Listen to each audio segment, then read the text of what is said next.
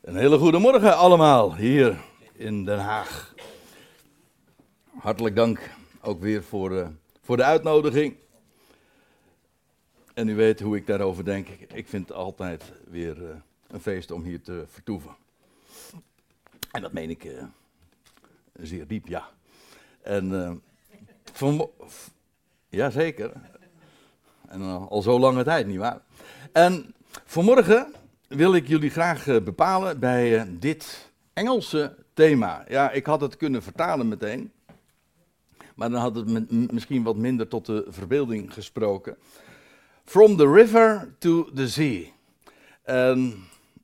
Als u niet helemaal onder een steen uh, hebt geleefd de afgelopen maanden, dan zal het u niet ontgaan zijn dat dit, deze frase heel vaak in de actualiteit voorbij gekomen is. En ja, vooral sinds, uh, sinds 7 oktober. En om eventjes uh, voor de helderheid, uh, het, de frase betekent dus van de rivier tot de zee. En dan eigenlijk de, de frase gaat in het Engels ook verder. En dan rijmt het ook, from the river to the sea, Palestine will be free. Palestina zal vrij zijn.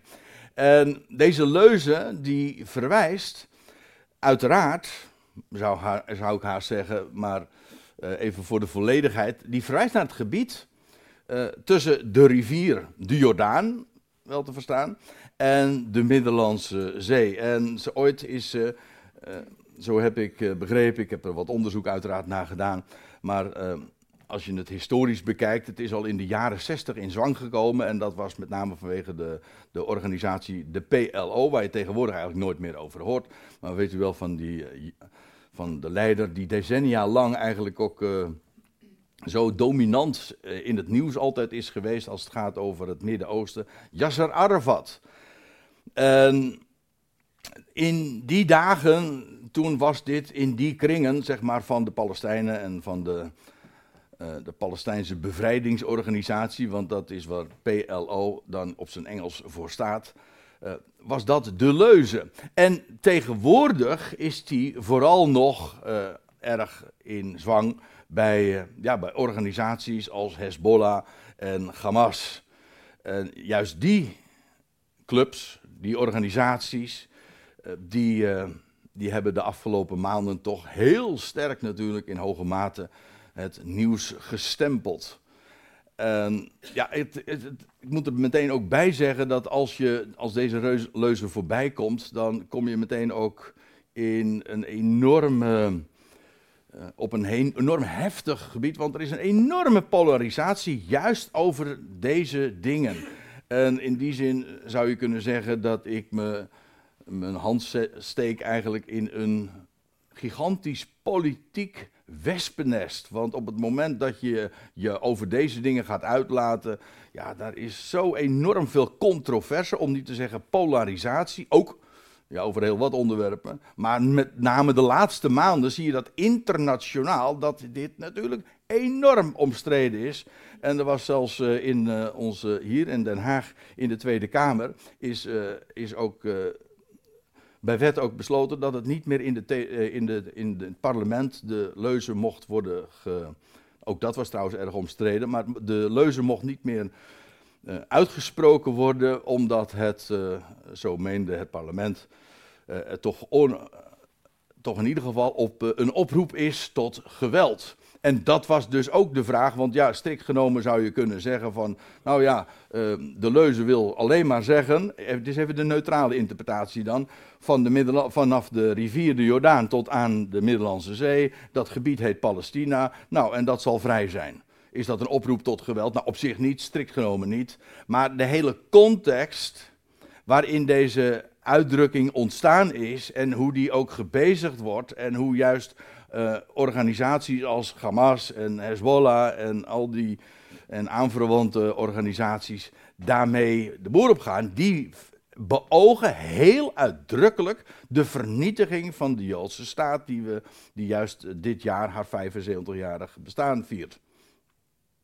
Dus ja, uh, in die context en met die achtergrond uh, lijkt het toch vrij duidelijk, tenminste voor de, de meesten, dat het toch wel degelijk een oproep is, ook daarmee tot geweld en tot de vernietiging van de Joodse staat. Ja, en wat geeft mij nou de moed om dit politieke item, want dat kun je toch moeilijk ontkennen, dan toch te bespreken, want wij openen de Bijbel en wij behouden ons toch niet per definitie uh, zomaar bezig met politieke aangelegenheden. Lijkt me een hele verstandige invalshoek. En waarom nu dan toch wel? Omdat dit toch wel een heel uh, bijzonder onderwerp is en ons er brengt bij een vraag die zo uitdrukkelijk wordt beantwoord door de Bijbel. Namelijk, de vraag is, de grote vraag is, van wie is dit land? Van de rivier de Jordaan tot aan de Middellandse Zee. Want in feite is dat de grote kwestie waar het om draait. Wie heeft nou, wie kan nou met recht eigendomsrechten claimen op dat gebied? En in het algemeen zou je natuurlijk daarbij al kunnen zeggen dat, ja, er zijn uh, schriftplaatsen die daarover spreken. Psalm 24 is een hele bekende. Maar dan wordt er in, de, in het algemeen al van de hele aarde gezegd: de aarde is des Heren en haar volheid. Dat wil zeggen, heel de aarde is er van één, van God. Ja, en dat geldt ook voor dezelfde soort schriftplaatsen zijn er ook die dat zeggen van heel de schepping. Ja, aan wie behoort de schepping toe? Ja, aan degene die het zelf gemaakt heeft natuurlijk. Aan wie anders? En doorgeredeneerd zou je dan ook kunnen zeggen van dat betekent dus ook dat dat stukje land, als heel de aarde hem behoort, dan behoort dat stukje land ook aan hem toe. Dat is één ding, uh, dat is zonder meer waar, maar het gaat er nu om, dit stukje land is ook heel apart gesteld. En dat bedoel ik in de meest bijbelse zin des woords, geheiligd. Vandaar ook, het is het heilige land. Dat wil zeggen, het is maar niet land zoals de andere landen. Nee, het is land, net zo goed als het volk dat daar geacht wordt op te wonen, maar daarover straks meer. Het land is een bijzonder land. Apart gesteld, dat wil zeggen geheiligd. Door God. En, en juist van dit stukje land wordt gezegd, ja, het is van God. En ik wil dat, ja, dat is eigenlijk de eerste, het eerste grote antwoord uh, wat, we, wat we heel uitdrukkelijk moeten onderstrepen. Van wie is het van specifiek dit land, waar God heel uitdrukkelijk van zegt van het is van mij. Nou, dat, dat willen we eens aan de hand van uh, Leviticus 25 zien. Daar staat, ik vind dat wel altijd een prachtige schriftplaats. Dat is in, uh, in die hoofdstukken waarover gespro waar gesproken wordt over de, over de Sabbatsjaren. Ook, en, en vervolgens over de jubeljaren. U weet hoe dat ging bij Israël. Ze hadden niet alleen maar op de zevende dag een dag speciaal die gewijd was aan God. Het was, dat, dat zijn dag, de Shabbat.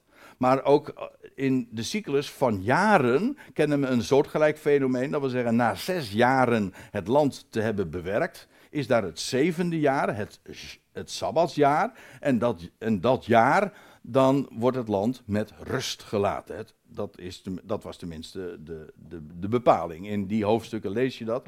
En op het Sabbatsjaar werd het land dus niet bewerkt en daar werd er dus ook geen oogst van gehouden. En en ook dat wordt gemotiveerd met, de, met, met soortgelijke bewoordingen. Het is het land van God. En, daar, en ik eis ook van het land mijn Sabbat. En dan lees je ook de bepaling van het jubeljaar. Dat wil zeggen, als er na zeven Sabbatsjaren, en reken het maar uit, 7 maal 7, dan kom je op 49 jaar. En dan het vijftigste jaar, dat wil zeggen het jaar na het zevende sabbatsjaar, dat zou dan het jubeljaar zijn. En in dat verband wordt ook uh, in Leviticus 25 daarover gesproken.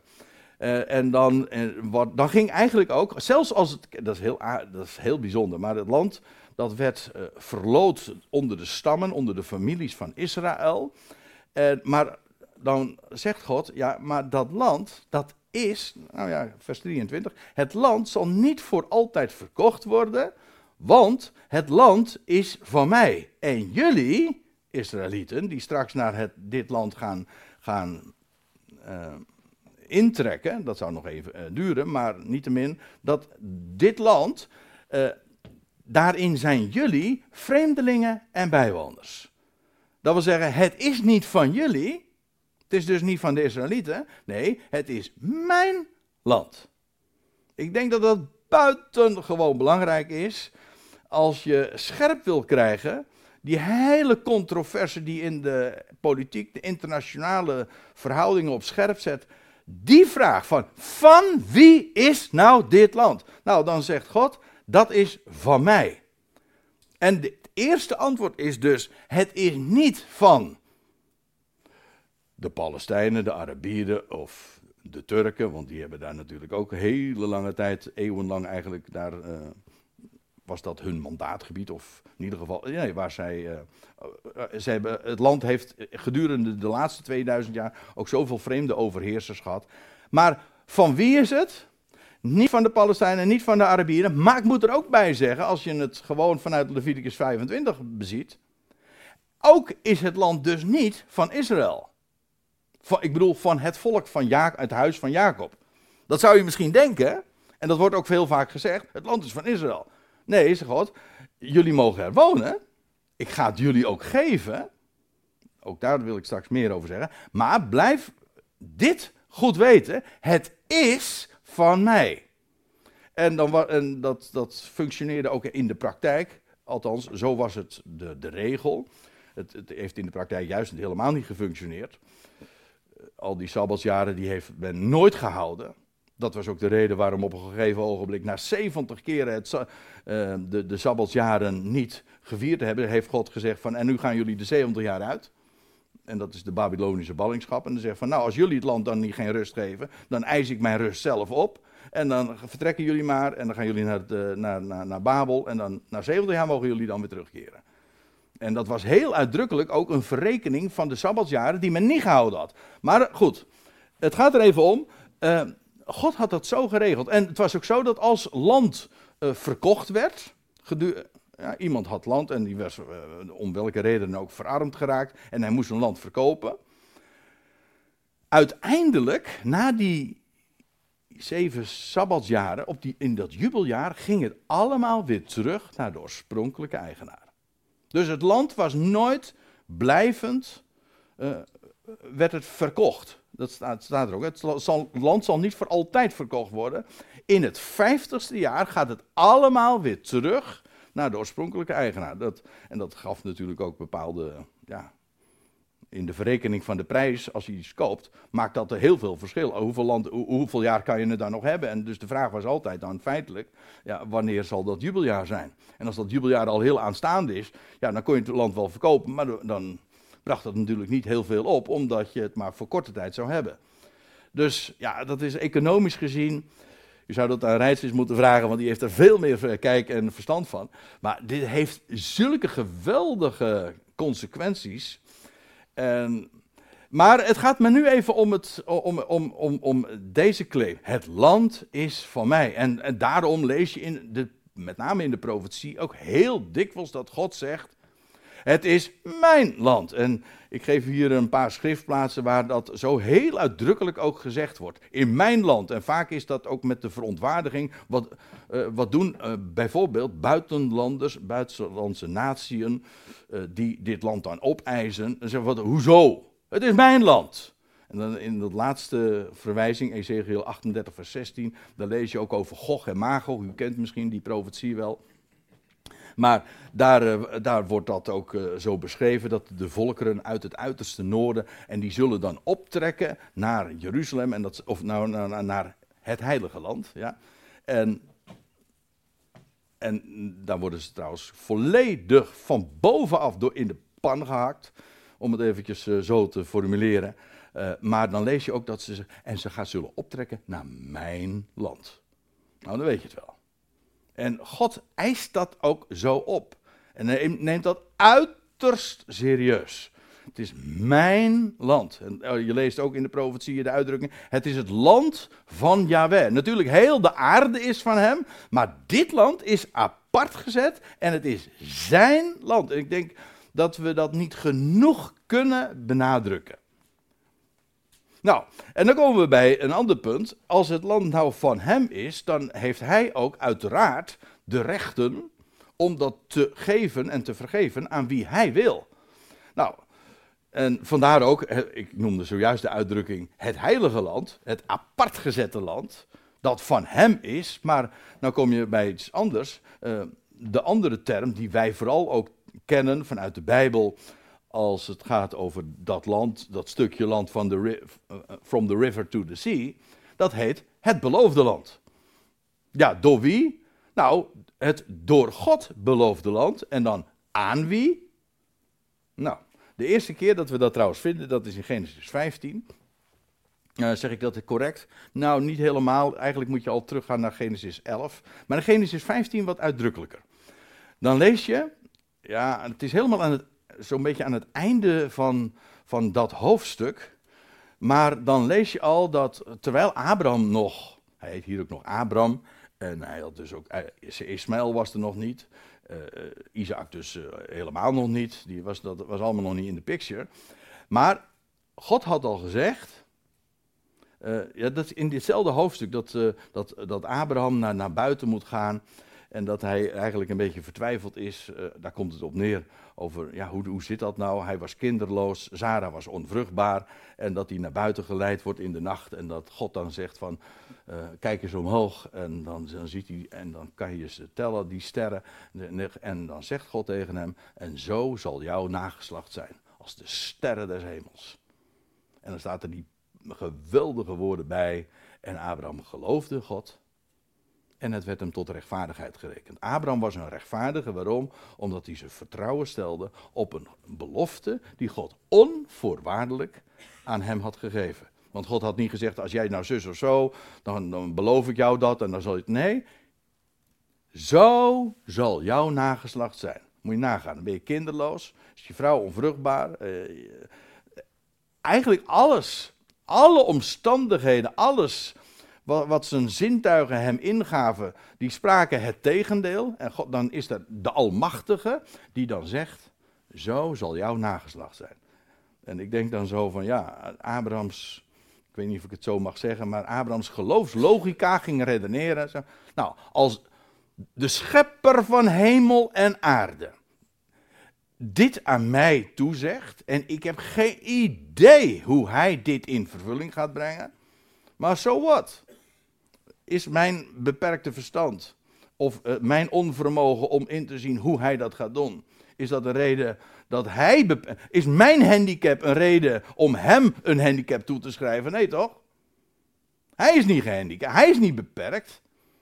Hij vervult wat hij belooft en Abraham was. En Abraham vertrouwde daarop. Amen. Er staat letterlijk ook. Amen, hij zei amen op wat, God zag, op wat God sprak. Nou, en dan lees je het einde ongeveer van het hoofdstuk, vers 18. Te dien dagen sloot Jahweh een verbond met Abraham, zeggende: aan uw nageslacht, eigenlijk staat er aan uw zaad, hè, aan uw zaad, ja, moet je nagaan, hè, kinderloze man, zal ik dit land geven. Van de rivier van Egypte tot de grote rivier, de rivier de Uivraat. Ja, dit is nog even andere koek, hè? Is niet from the river to the sea, dat wil zeggen van de Jordaan tot aan de Middellandse Zee. Maar hier wordt de belofte gegeven. Het, dat aan het zaad van Abraham, en ik moet zeggen, eh, dan moet je in feite Ismaël niet eens meerekenen. Nu zeg ja, dat is ook zaad van Abraham. Jawel, maar dat was niet het beloofde. Dat is een kwestie apart, maar ik kom, er straks nog even op terug. Maar kijk, ik moet er ook bij zeggen, dit is ook tot dusver in de geschiedenis nog nooit vervuld. In de dagen van Salomo kwam het er dichtbij. Maar dit is nooit echt vervuld. En, en deze woorden vind je nog vaker. Maar het, om het eventjes, uh, om de, kant, de kaart er even bij te halen. Je hebt dus aan de, aan de westkant heb je daar de Nijl. Die door, de, door Egypte uiteraard loopt. En dan heb je de Uifraat. De, de, de zuidelijke rivier, zeg maar, in het Tweestromenland. Uh, de Mesopotamië. Nou, dat gebied van de, van de Nijl tot de Uifraat. Van, dit is gerekend van west tot oost van noord tot zuid staat hier niet eens bij. Maar dat is het land dat aan jou en jouw zaad zal worden gegeven. En die belofte staat nog steeds. die belofte is 4000 jaar geleden gegeven. En tot, tot, tot op de dag van vandaag is dit met deze grens nog nooit vervuld geweest. Maar gaat gebeuren. En we zullen dat straks ook nog zien. Laten we even verder gaan. Maar nu, nu komen we op, op, een ander punt. Kijk, het is volstrekt helder dat uh, God het, uh, het, land van God is. Hij heeft het beloofd aan het zaad van Abraham. En dat spitst zich echt toe.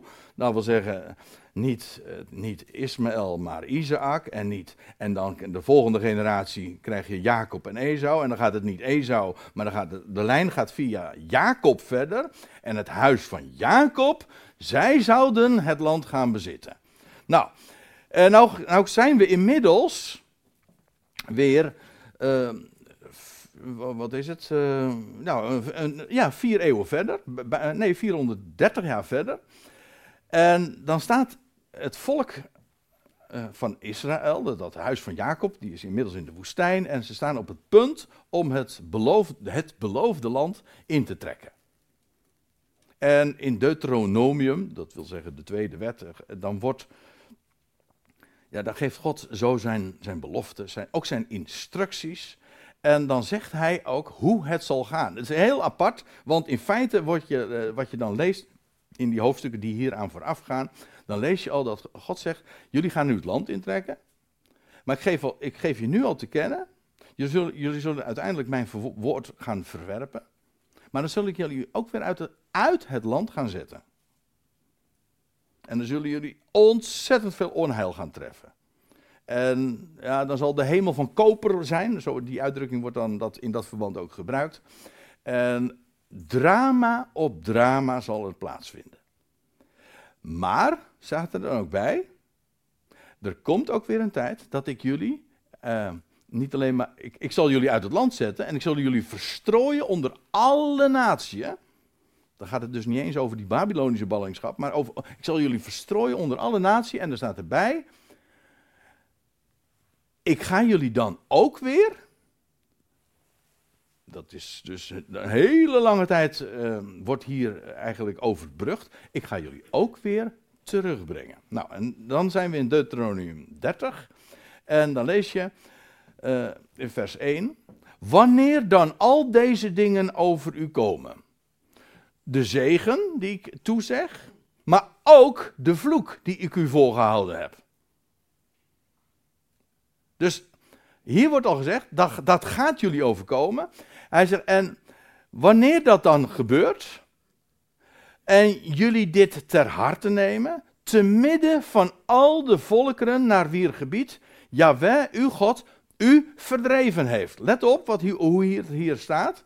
Namelijk, God zelf zet hen ook weer uit het land. Want het is waar dat God het land belooft aan het nageslag van Jacob. En niet aan, uh, aan, niet aan de Britten of de Amerikanen. En ook dus niet aan de Arabieren of, of Palestijnen of hoe ze maar heten mogen. Nee, aan het huis van Jacob beloof ik dit land. Maar trek daar niet de conclusie uit dat het daarmee dus het land van Israël is. Dat zij daar echt eigendomsrechten op kunnen claimen. Want als jullie niet luisteren naar mijn stem, dan ga, zet ik jullie er achter elkaar ook weer uit. En daar komt nog iets bij. Op mijn tijd verzamel ik jullie ook dan weer terug. Ook niet op eigen initiatief, nee, op voorwaarde dat je inderdaad, nou zoals hier ook staat, al, wanneer jullie dan ter harte nemen, het te midden van al de volken naar wier gebied Jaweh, uw God, u verdreven heeft. God heeft hen niet alleen maar in het land gebracht, maar hij zet hen er ook weer uit. En als hij hen dan verdreven heeft onder de natie, dan komt er een moment dat ze tot inkeer zullen komen. Ik moet erbij zeggen, er staat er hier ook bij, wanneer zullen ze dan tot bekering komen en inzicht, nou, wanneer ze in de verstrooiing zijn. Dus niet eerst terugkomen naar het land en dan tot bekering komen, nee, in het buitenland zullen jullie tot bekering komen. Nou, en wanneer ga je dan? U, wanneer ga je dan tot Yahweh, uw God, bekeert? dat wil zeggen omkeert, eigenlijk ook weer terugkeert, en naar zijn stem luistert, overeenkomstig alles wat ik u heden gebied, gij en uw kinderen, met geheel uw hart, geheel uw ziel, dan zal Yahweh uw God, in uw lot een keer brengen en zich over u erbarmen. Hij zal terugkeren en u bijeenbrengen. Ik, heb het hier uh, cursief gezet. En daarmee bedoel ik, ik wijk hier even af van de MBG-tekst. Maar hier staat het ook letterlijk. Als u een, als u een uh, kanttekeningen van de Statenvertaling hebt, dan zie je ook hier, dan, dan, dan, wordt daar ook bij vermeld van letterlijk staat hier, want in de gewone vertalingen staat meestal, hij zal u wederbrengen naar, uit, alle, uit alle volkeren. Nee, maar letterlijk staat er, hij zal terugkeren het is dus een wederkomst.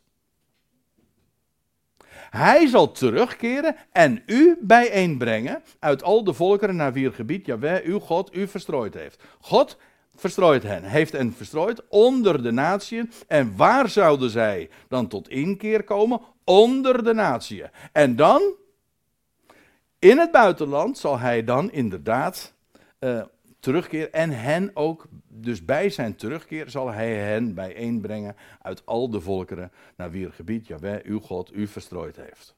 En ik lees nou, ik sla een paar versen over en dan staat er in vers 6. En Jawel, uw God, zal uw hart en het hart van uw nakroos besnijden.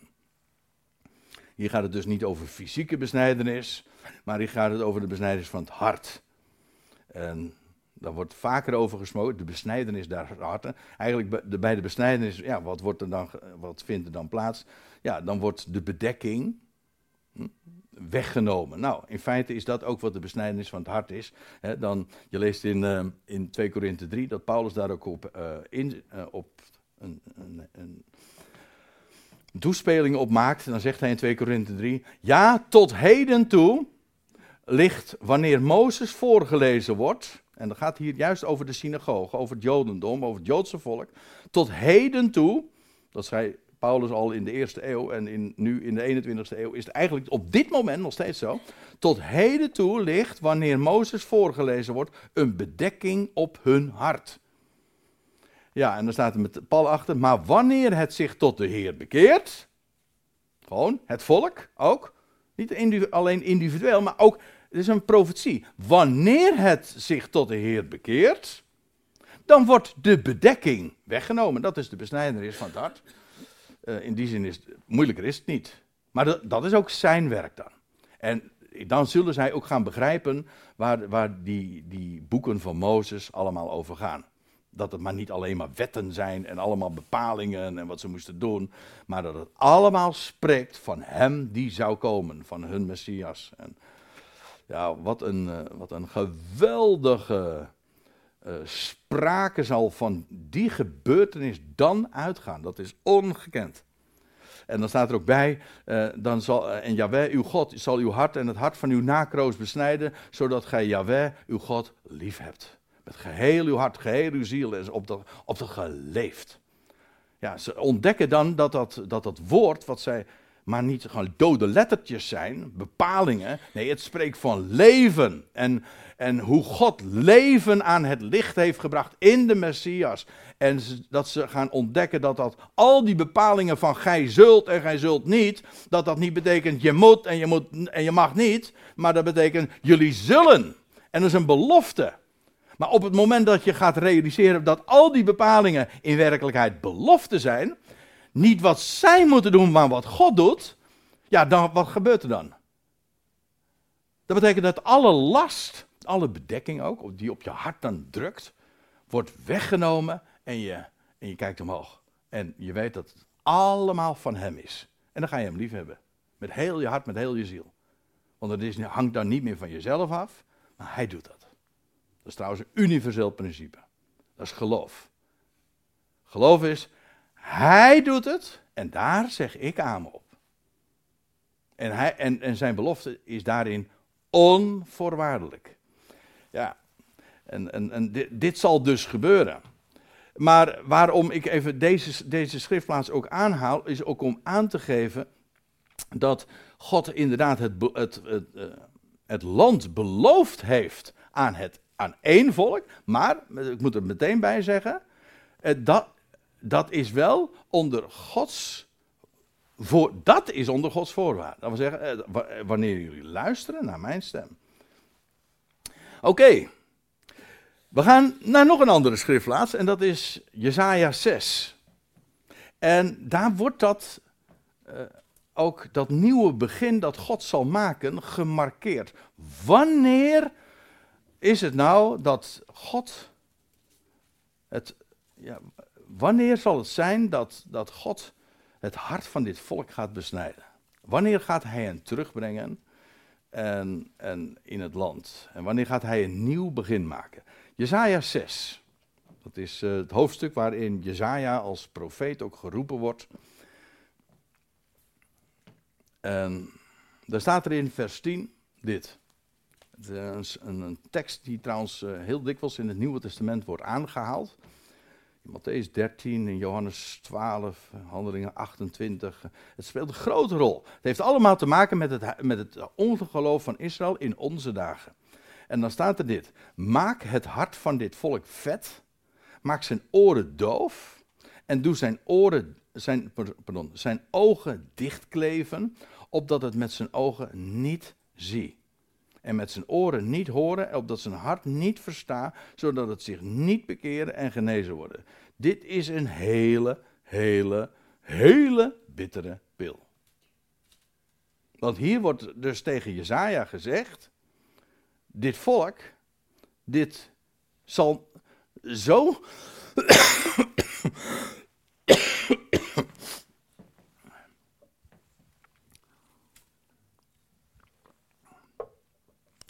Dit volk zal. Neem me niet kwalijk.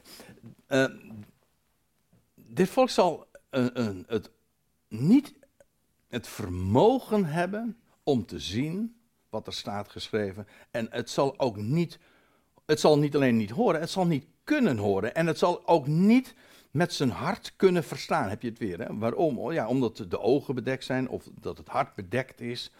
Uh, en het is niet eens in staat daardoor het zich te bekeren en dat het genezen zal worden. Ook hierin zie je weer, als het volk zich bekeert, dan komt dat omdat God de eerste zet geeft. Hij doet dat. Ook, dus uiteindelijk, ja, alles is van hem. Maar hier ook, uh, uh, wordt hier gezegd van, ja, dat volk zal dus ongelovig zijn en zich ook niet kunnen bekeren. En Paulus haalt dit ook aan om aan te geven, dat zijn de dagen waarin wij nu leven. Nu is Israël ongelovig. En, uh, en je leest ook dat in Romeinen 11 dat God zegt van, ik heb de ogen van dit volk blind gemaakt. En voordat wij nu gaan denken van, haha, Israël is ongelovig en, uh, en bij ons is het nu terechtgekomen. En dan zegt, dan zegt Paulus, ja, dat is zo. Maar dat is, uh, waarom zijn zij vijanden van het evangelie? Om uwentwil. Vanwege jullie. En dat, de dagen waarin wij nu leven, dat is dat het, het heil naar de natie is gaan. Israël is op een zijspoor gezet. Maar dat heeft deze reden. Namelijk, uh, opdat het nu een, een omweg zou maken. Maar, er staat bij, ik zal u ook vertellen, het is ook, uh, er wordt een limiet gesteld. Let maar op, vers 11. Toen vroeg ik, Jezaja, hoe lang heren? En nou zou je kunnen denken van nou, nou gaat God een datum geven of een tijdstip aanduiden. Uh, in feite doet hij dat ook wel maar niet door, eh, door een jaartal te noemen. Overigens, dat vind je cryptisch ook, wanneer dat gaat gebeuren, namelijk na twee dagen. En dat, is, en dat is wel degelijk ook een aanduiding van wanneer het gaat gebeuren. In de zin van de termijn wordt daarmee ook duidelijk benoemd. Maar nu wordt het hier in Jesaja 6 op een andere wijze beschreven. Namelijk, hoe lang, heren? Hij antwoordde, nou, hoe lang wat? Nou, hoe lang is het eigenlijk dat Israël in ongeloof zal zijn en niet in staat zal zijn om te zien en om te horen en dat het met het hart niet verstaat? Hoe lang gaat dat duren? Dat is de vraag. Hoe lang, heren? Hij zei, en, en dan krijgt hij het antwoord van de Heer, dit.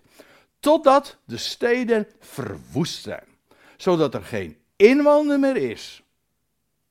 En de huizen, zodat er geen mens meer in is en het bouwland verwoest is tot een wildernis. En Yahweh de mensen ver verwijderd heeft. In feite ook naar het buitenland gebracht heeft. En het verlaten gebied in het land groot is. En er staat erbij, is daarin nog een tiende deel, dat wil zeggen wat nog overgebleven is, dan zal dit weer verwoest worden. En evenals van een terebin, dat is een eikenboom, hè? embleem trouwens van Gods trouw, Gods belofte. Evenals een terebint en een eik na het vellen een tronk overblijft, zo zal zijn tronk een heilig zaad zijn. Dat wil zeggen, er, er is een klein overblijfsel. En waarmee God weer een nieuw begin zal maken. Maar dat is een stronk. Weet je wel, die boom wordt als het ware afgehouden en er blijft een tronk over. En daarin, ja, daarin zal weer nieuw, vanuit nieuw leven komen. Maar let hier even op wat er in Jesaja 6 gezegd wordt.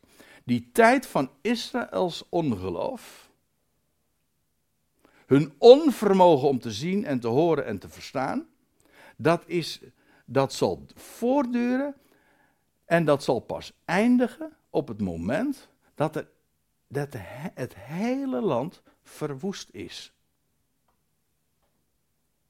En nou, dit is, dit is een, een buitengewoon ernstig woord. Want als er iets is, ik bedoel, wij allemaal zoals we hier zitten, ik kan, dat kan niet anders. Als je de God van Israël lief hebt, en je hebt het volk lief, waaruit, waaraan de beloften gegeven zijn, ja, dan heb je een natuurlijke liefde voor dat volk. Uiteraard. Het is het volk van het boek. Het volk van de belofte. God heeft zijn zegen verbonden, ook de zegen voor de hele wereld. Dat gaat verloopt via dat volk. Daar ligt onze natuurlijke liefde. Ook heel vanzelfsprekend. En dan is het heel lastig om, iets, om dingen aan te wijzen. Maar een heleboel mensen laten zich hier echt, ik moet het, ja, ik moet gewoon vaststellen, zand in de ogen strooien. En die denken van, oh maar wacht even, je hebt, er is nu een Joodse staat, al 75 jaar. En God heeft zijn belofte gegeven aan, het, aan, aan het volk van Israël. Dus God staat achter Israël. En dat is niet waar. Hij gaat het volk weer terugbrengen in het land, maar dat is op een hoogst dramatisch moment. En dat zal zijn, dat, elders in de profetieën lees je dat ook, dat zal zijn na een grote verdrukking. En dan, vraagt, en dan stel je de vraag, hebben ze al niet genoeg verdrukking gehad? Ja, in mijn beleving wel. Is dat ook niet de reden geweest dat er ooit de Joodse staat uh, drie jaar na de Tweede Wereldoorlog uh, in het leven is geroepen? Dat was juist ook dit nooit weer. Er moet een veilig onderkomen zijn. En toen heeft het Sionisme natuurlijk ook internationaal een boost gekregen. Maar heel het streven van het Sionisme is een streven zonder God.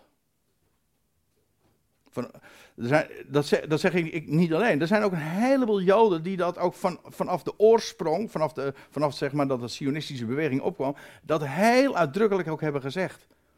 Altijd was daar de, eh, het, eh, altijd was daar de, eh, de, de wetenschap dat, ook onder het volk, God heeft ons verstrooid onder de natie. En pas op zijn tijd, als de Messias komt, dan zal hij ons terugbrengen. En toen kreeg je in de, ja, in de einde van de 19e eeuw die uh, van Theodor Herzl, die sionistische beweging. En zei, daar gaan we niet op wachten. Dat was een hele puur seculiere beweging, daar gaan we niet op wachten.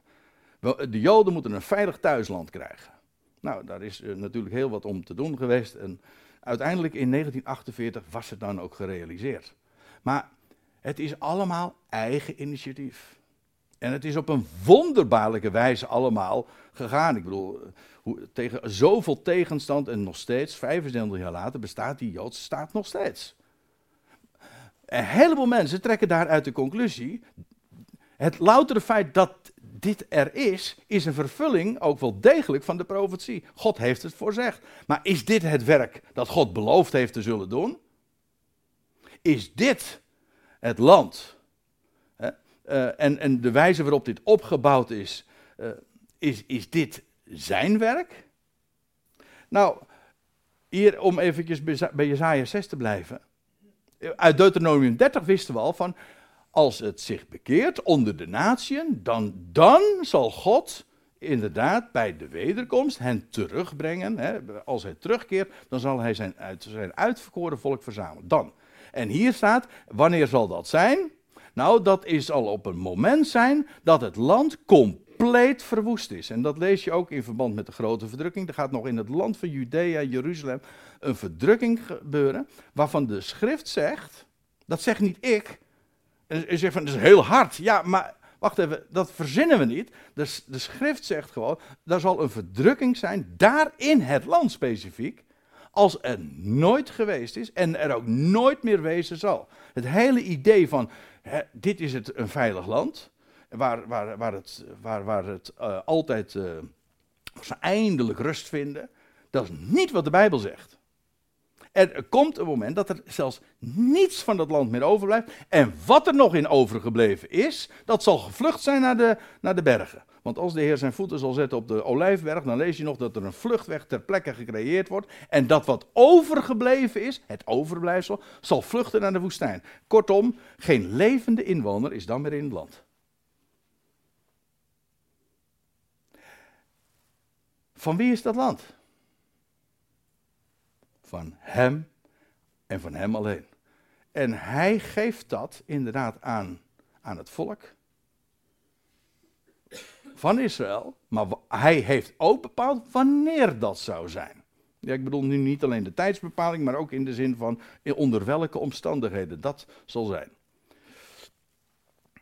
Ja, en dan, als hij, dat lees je ook in Matthäus 24. Ik heb, ik, heb daar niet allemaal diaatjes van, maar je leest ook inderdaad dat als, als de Messias zal terugkeren en, na de verdrukking van die dagen en dan lees je en dan zal de Ben Adam zal verschijnen en dan zal hij, eh, zijn voeten zullen ook staan op de olijven en dan zal hij zijn uitverkoren volk uh, verzamelen van alle hoeken der aarde en van, van alle windrichtingen en dan zal hij zijn volk via de woestijn moet ik erbij zeggen terugbrengen naar het land.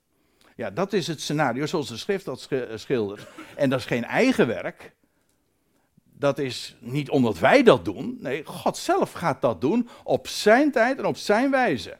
En dan gaat hij trouwens ook het land zegenen en in veiligheid brengen. En dan zal geen buitenlandse mogendheid ook nog in staat zijn om dat volk en dat land aan te tasten. Ook dat wordt beloofd. Absoluut. En als dan Gog, als dat dan eenmaal gebeurt zal zijn, dan zal Gog en Magog uh, alsnog eh, de poging wagen om, om, eh, om, het heile, om mijn land hè, eh, binnen te vallen, dan lees je dat, er dat het volledig ja, vernietigd zal worden. Dat, die legers. Gewoon van Gods wegen, dan lees je ook dat God vanaf de hoogte zal neerhouden. Harmageddon, dat is, dat is die vlakte van Megiddo, dat is daar in het noorden van Israël. Maar dat betekent eigenlijk letterlijk ook vanuit de hoogte neerhouden. Hij, dat is dus, God gaat het volk en het land dan zodanig beschermen, maar dan van bovenaf, niet door militaire kracht, want we hebben natuurlijk allemaal, u en ik, de grootste bewondering voor bijvoorbeeld, ja, voor ja, wat het Joodse volk allemaal in die 75 jaar, alleen al in die Joodse staat, ik bedoel in het land, tot stand gebracht heeft dan lees je ook van die hele enthousiaste uh, van uh, wat er gebeurt in de woestijn. Van de woestijn zal bloeien en dan zeggen we, oh geweldig. Ja, dat, dus wat een inventiviteit heeft men alleen al op het gebied van landbouw en tuinbouw en dat soort dingen uh, tot stand gebracht.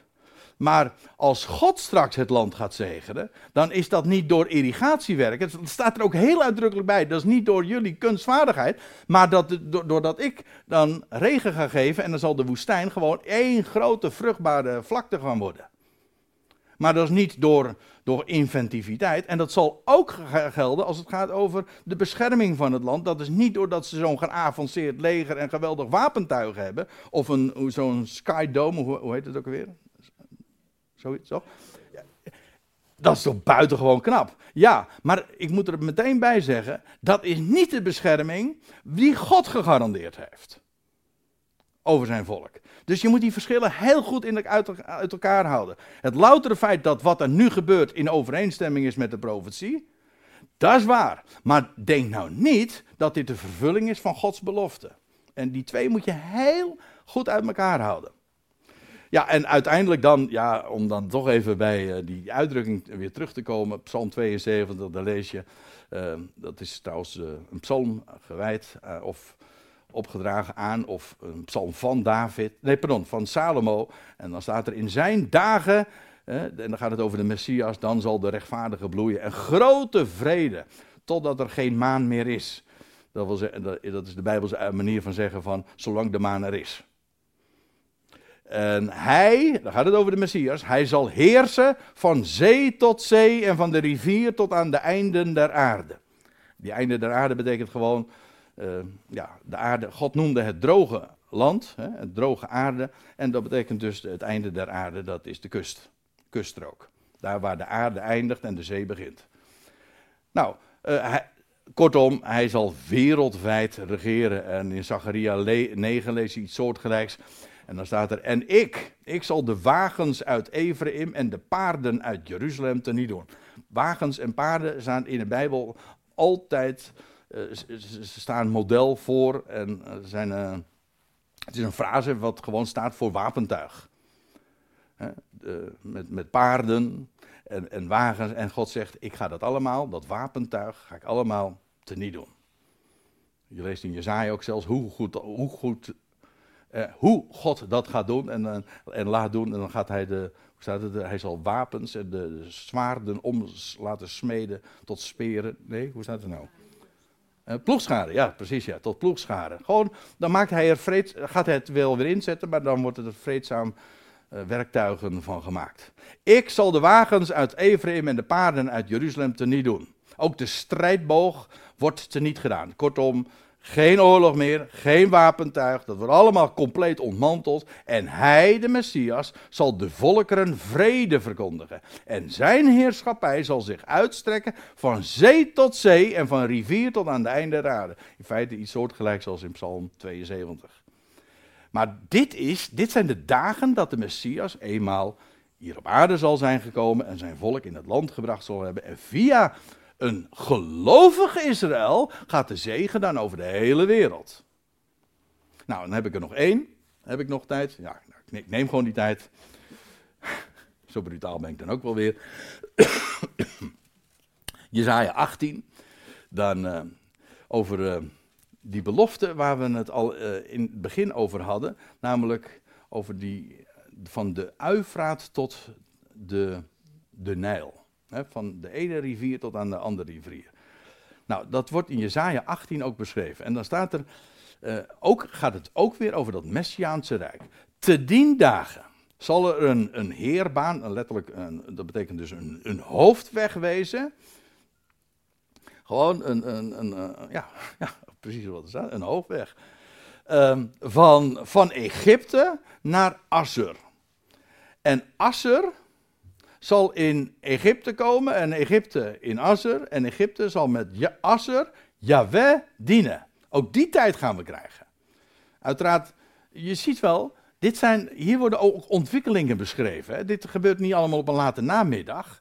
Ik bedoel, Israël, er, gaat nog een schijnvrede komen. Ook dat lees je in de Bijbel. Ehm, er gaat ook nog een tempel daar in Jeruzalem komen. Die gaat trouwens ook weer verwoest worden. En er komt nog een enorme verdrukking. Die wordt heel duidelijk gelimiteerd. 42 maanden, 3,5 jaar. De Heer zal verschijnen, zijn voeten zetten op de olijver. Er zal nog een enorme strijd met de volkeren plaatsvinden. Maar dan, via al die wegen, zal God en de Messias, door zijn Messias, inderdaad. Uh, de hele wereld gaan regeren. En dat land, wat hier beschreven wordt, dat zal speciaal aan hem toegewijd zijn. En dan, dan zal Asser, Syrië, even voor het gemak, het is wat breder dan wat ik nu zeg, en Egypte, die beide volken, die zullen Jaweh dienen. Je leest zelfs in deze hoofdstukken van Jezaja 18 en 19 dat er vijf steden in Egypte zullen zijn waar men de Ivriet zal spreken. Modern, of nou, het staat niet modern, er staat Hebreeuws zal spreken. Ja, moet je je voorstellen. En dan staat er nog bij, uh, te dien dagen zal Yahweh, uh, sorry, niet Yahweh, want ik zou niet uh, durven. te dien dagen zal Israël, dat is eigenaardig, Israël de derde zijn naast Egypte en Assur, een zegen in het midden der aarde. Hoezo een derde? Ja, ik denk dat dit te maken heeft, maar ik, u, u, mag er anders over denken en ik hou me voor andere opties hou ik me aanbevolen. Maar ik denk dat dit betekent de derde in grootte.